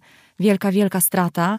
Ale o ile Joshua Cohen skupia się na jednym z bohaterów początków państwa Izraela, Żabotyńskim, tym bohaterze izraelskiej prawicy, o tyle Amos Oz rozmyśla nad e, dziedzictwem Ben Guriona. Znów książka literacko wspaniała, wciągająca w te ciemne, a jednocześnie magiczne zaułki, uwaga, zimowej Jerozolimy, mm. więc lektura na, na, na teraz, na ten czas, a z drugiej strony tyle w nich aktualnych przemyśleń bardzo, bardzo bolesnych, bo myślę, że y, Amos Oz pisze o pewnej możliwości współistnienia izraelsko-palestyńskiego, z której nigdy nikt nie skorzystał. Więc myślę, że to dopełnia z jednej strony listę lektur takich bardzo aktualnych na rok 2023, niestety w cieniu wojny, a z drugiej strony y, dopełnia też tą naszą opowieść o tym, jak ta granica między fiction, non-fiction się zaciera i jak często to właśnie literatura piękna ma jakiś niezwykły wgląd w naturę rzeczywistości. I na tym zakończyłabym podsumowanie, ale zanim, zanim się z Wami pożegnam, to jeszcze jedno pytanie. Na co czekacie w roku 2024? Kaja, co tłumaczysz? Może o, powiesz, ja... to będziemy wiedzieć, na co czekać. Chciałam powiedzieć, że na najnowszy sezon True Detective, ale to chyba nie ta, nie ta bajka. E, ja z, dosłownie z, skończyłam um, kilka dni temu, e, a wysyłałam wczoraj jeszcze chyba e, w Art Rage'owi właśnie e, rzecz non-fiction e, o historii badań nad inteligencją u dzieci. I brzmi to strasznie, ale sama, tak nieskromnie powiem, że sama na tę swoją książkę, znaczy czytam, czekam na recepcję, czekam na to, jak się, jak się będzie czytało, bo jest to, jest to rzecz, no, no nie ma tam fajerwerków ekscytacji, no bo jest to po prostu historia badań, ale nad, w którym się, w której się przewijają wszystkie te motywy, o których tutaj poniekąd dzisiaj rozmawiałyśmy. Czyli po pierwsze to, jak potężne, nie miałam pojęcia, jak potężne było lobby eugeniczne, po pierwsze, na świecie, ale zwłaszcza w Stanach Zjednoczonych, jak mocno zakorzenione było przekonanie o takiej nieuchronności losu, ten determinizm taki, który, który doprowadził do, do tego, że e, kilkoro naukowców z bardzo takiego maleńkiego ośrodka w stanie Iowa ze wszystkich możliwych, w okresie e, wielkiego kryzysu działających, czyli jeszcze tam potem Dust Bowl i spadły te, te burze pyłowe, więc właściwie wszystkie przeciwności losu, jakie mogły być, a oni badali e, rzecz, która wtedy wydawała się rewolucyjna i do tego stopnia, że ich spotkał gigantyczny ostracyzm przez dziesiątki lat, czyli, że inteligencja nie jest wrodzona. Oni postawili tezę, obserwując dzieci z sierocińca najpierw, a potem z ośrodków e, takich dla dzieci, jak to wtedy nazywano e, opóźnionych, upośledzonych i parę jeszcze innych przykrych określeń tam się pojawia. E, I zauważyli, że minimum opieki powoduje, że dzieci nagle zaczynają wracać do tak zwanej normy. E, I to, było, to była tak rewolucyjna teza wówczas i długo potem, bo e, w, no i na tym jest ufundowane, było ufundowane to takie opresyjne społeczeństwo, e, które spychało, e, jesteś biedny, twoja wina, e, jesteś biedny, więc jesteś głupi. Wszystkie te, te z, z, jeszcze no w latach 30. wiadomo, ciemne chmury się gromadziły. Do tego dochodził gigantyczny rasizm, e, też mocno wpisany właśnie w to podejście. I oni po prostu zakwestionowali rzecz, e, w, teraz wydaje nam się nie do pomyślenia. I zastanowili się, czy jak się troszeczkę e, nie zajmie dzieckiem, dosłownie na przykład czasami wystarczało zdjąć taką płachtę, którą owijano łóżeczka e, dzieci i dostarczyć im minimum bodźców. E, I nagle okazywało się, że zachodzą gigantyczne zmiany. I to z jednej strony jest to, no, tutaj trzeba się strasznie interesować, tak by się wydawało, że pedagogą, pedagogiką, czy w ogóle rozwojem dzieci. E, a tu się okazuje, że jednak się znajdzie w tych, e, w tych niby, tam się żadna wojna, wojna się dzieje w tle, ale tam się na miejscu nie dzieje, tam nie, tam nie dochodzi do żadnych ekscytujących wydarzeń, a jednocześnie zachodzi no, rewolucja, zachodzi gigantyczna zmiana. To, jest, to, to, to zaczyna się nowa era w myśleniu, a, a czytałam i potem tłumaczyłam tę książkę jakby mm, też cały czas, e, w, ponieważ w moim życiu pojawiła się bratanica e, pół roku temu i, i po raz pierwszy mam do czynienia z, e, z, z tak młodym umysłem i, i to jest, w, no zmienia to perspektywę w, w mm, patrzeniu na wszystko i widzi się te motywy, które, bardzo jestem ciekawa właśnie recepcji odczytania i tego, czy to kogoś zainteresuje i na, na to czekam. a z, czy, czy ja mam tak długą listę rzeczy, które, które wiem, że wyjdą, że nie, nie wymyślę teraz, który, bo jak wymienię jeden, to zaraz mi się potem przypomni następny, e, ale tak, mam, mam jeszcze, jeszcze się zmieści parę regałów, jeszcze się upchnie co nieco, więc, e, więc no bo będzie to dość niesamowity rok e, w, Pol w, Polsce, jeśli chodzi o książki, dlatego że wrócą wielkie światowe nazwiska. Taki rytm mamy właśnie przykładów, że w tym roku będzie i nowy Polaster, i będzie Ali Smith, będzie Zadie Smith, mamy Sigrid Nunes na dniach e, kolejną, więc y, y, nowa książka Maxwella Coetzee. Polak, Polak, Polak, tak, też w przykładzie Agi Zano. Tak, tak, to też to, to za chwileczkę, tak. to jedna z pierwszych takich dużych światowych premier tego roku, więc to jest akurat taki taki rok, że koszyk dobroci ze świata e, się wysypie nam na głowy. Także proszę rezerwować czas. E, I będzie, będzie charakter zacznie wydawać całą twórczość Jamesa Baldwina. Baldwina Kupili tym, cały tak. pakiet jego twórczości, bo on jakby chodził po rynku światowym i, i to jest ten wydawca, który, który mm, się zdecydował na to ambitne przedsięwzięcie. Myślę, że wróci trochę klasyki, bo nasi polscy wydawcy zaczęli e, przywracać ważne światowe tytuły w nowych wydaniach, w zmienionych tłumaczeniach tłumaczeniach, w zredagowanych tłumaczeniach, więc, więc e, tutaj dla tych, którzy też chcą uciekać od pewnej doraźności, będzie, będzie w czym wybierać. Ja przejrzałam w ogóle e, zapowiedzi większości polskich wydawców i naprawdę będzie to rok, e, w którym dobroci będzie mnóstwo. Z maleńkich radości, na które pewnie wielu z nas czeka, to Marcin Wicha wyda nową książkę znów o projektowaniu, więc będzie to pewnie jakieś małe cudeńko. Ja chciałabym, żeby ktoś w po, e, przetłumaczył w Polsce nową książkę Johanna Hariego, bo naprawdę uważam go za autora. On wychodzi w Polsce w wydawnictwie Feria, ostatnie jego książki. To jest wydawca często przeoczany przez głównych recenzentów, co oznacza, że, że nie rotuje w głównym nurcie rozmów o, o książkach, ale myślę, że to jest jeden z najważniejszych autorów e, non-fiction na świecie, bo on próbuje złapać kluczowe problemy współczesności. To jest bardzo wysoka ambicja. Fajnie się do tego zabiera, a przy okazji jest człowiekiem o niezwykle jakiejś takiej e, pozytywnej energii, więc on stara się rozwikłać te dylematy współczesności. To, to w nim lubię, że nas nie zostawia po prostu w jakiejś beznadziei. I mam ogromną nadzieję, że ktoś zdecyduje się przełożyć na polski drugą książkę Claudie Hammond, tej kobiety, o której mówiłam, że, że rozpisała 10 czynności dających nam najgłębszy odpoczynek. Ona napisała taką książkę Keys to Kindness, która, czyli, no nie wiem, klucze dobroci, jakieś dające nam, nam do, dostęp do tych aktów dobroci. To jest z kolei opowieść inspirowana wielkim globalnym badaniem aktów dobroci. I okazuje się, że one są wszędzie, są rozsypane w naszej codzienności i sami nie zauważamy, że podaliśmy komuś klucze, przytrzymaliśmy drzwi, pogadaliśmy z obcą panią e, w kolejce do kiosku, uśmiechnęliśmy się do ekspedientki, zrobiliśmy wiele rzeczy, bez których nie da się żyć i bez których życie byłoby po prostu pasmem okropieństw. E, jest to wspaniała, inspirująca lektura, od której żyć się chce i która po prostu ma też ogromne znaczenie, bo cały wielki nurt literatury mającej nam pomagać radzić sobie z depresją, z rozmaitymi zaburzeniami psychicznymi i tak dalej, on też się wyłania i on będzie kontynuował swój triumfalny pochód przez półki księgarskie w tym roku, a przecież My po prostu tęsknimy za tym, żeby nie być e, sami w tym, co jest ludzkim losem. I nie dość, że książki nam dają otuchę, no to ten jednak uśmiech do nieznajomego w kolejce w sklepie też to robi. Ja się bardzo cieszę na nową serię zapowiadaną przez wydawnictwo wspomniane już przez nas Art Rage, która będzie poświęcona przekładom literatury ze świata arabskiego. Myślę, że za mało tego w Polsce, bo rzeczywiście, jeżeli chodzi o literaturę izraelską, to wybór jest przeogromny. Teraz będą pojawiać się, mam nadzieję, że w tym roku 2024 również nazwiska z krajów arabskich.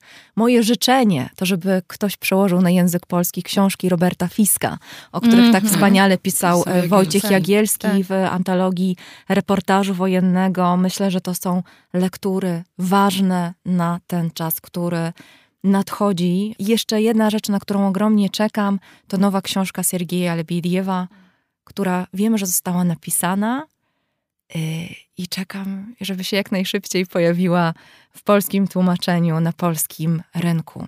A już w lutym nowa książka Serhija Żadana, to też na pewno będzie ważne, ważne wydarzenie, no bo to spojrzenie na wojnę od środka. W ogóle dobra wiadomość jest taka, że książek w tym roku nie będzie mniej. Wydawcy będą wydawać dużo, tyle że w obniżonych nakładach. Więc to, co my możemy zrobić jako ludzie, to pójść i czytać. I czytać z przyjemnością, nie obciążać się tym poczuciem winy, o którym mówiłyśmy na samym początku, bo czytanie to przecież przede wszystkim przyjemność i odpoczynek i chyba tak powinniśmy A poza tym te książki nie znikną. Podchodzić. To jest rzecz ważna. Ale jak nie zdążymy w tym roku, spokojnie możemy sobie przełożyć na następny, następny, następny. No tak, bo w nich jest zaklęty ten czas, także bez obaw starczy na wszystko. Nie jest to dobro e, szybko Krótkotrwałe. Książki nie masło, nie psują się. Więc. I tą myślą kończymy naszą rozmowę. Paulina Wilk, dziennikarka, pisarka, współtwórczyni Big Book Festival i Big Book Cafe oraz Kaja Gucio, tłumaczka wspaniałych powieści, jak choćby, przypomnijmy, umiłowana w tym roku Toni Morrison, czy wspominany przez nas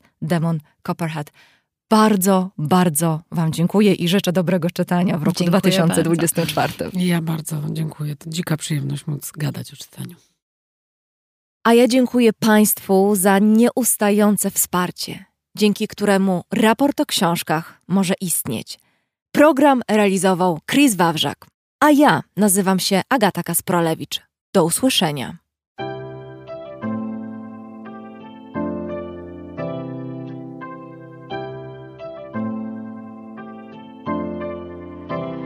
Raport o stanie świata od marca 2020 roku rozwija się dzięki Państwa zaangażowaniu i szczodrości. To dzięki Wam możemy opowiadać o świecie przy pomocy dźwięków. Dzięki Wam ten program może być przygotowywany w profesjonalny sposób z zachowaniem najwyższej jakości, bo na nią zasługują słuchacze raportu o stanie świata. Z serca dziękujemy wszystkim Państwu za wpłaty. Wasza hojność jest dla nas ogromnym zobowiązaniem Zbiórka na patronite.pl ciągle trwa. Zachęcam do udziału w niej. Najhojniejsi patroni raportu o stanie świata to firma Ampio Smart Home, hotel Bania Termal i Ski w Białce Tatrzańskiej, oferujący pakiety pobytowe z termami w cenie. Centrochem, wiodący dostawca surowców chemicznych dla Twojego biznesu. Firma doradcza Crido. Galmet Polskie pompy ciepła. Sklep internetowy goldsaver.pl, w którym sztabkę fizycznego złota kupisz po kawałku i bez wydawania jednorazowo dużych kwot. Infinix, producent innowacyjnych smartfonów. Radosław Jotko. KR Group, firma outsourcingowa www.krgroup.pl. Razem w przyszłość. Polsko-Japońska Akademia Technik Komputerowych. Warszawa, Gdańsk, Bytom. Michał Małkiewicz. Northmaster, marka łodzi motorowych z Polski. www.northmaster.pl. Firma Software Mill. Od zawsze zdalni. Programują dla całego świata. Dom wydawniczy Muza. Bo świat nie jest nam obojętny. PurePlay, transparentna agencja mediowa digital i doradca w budowaniu kompetencji in-house.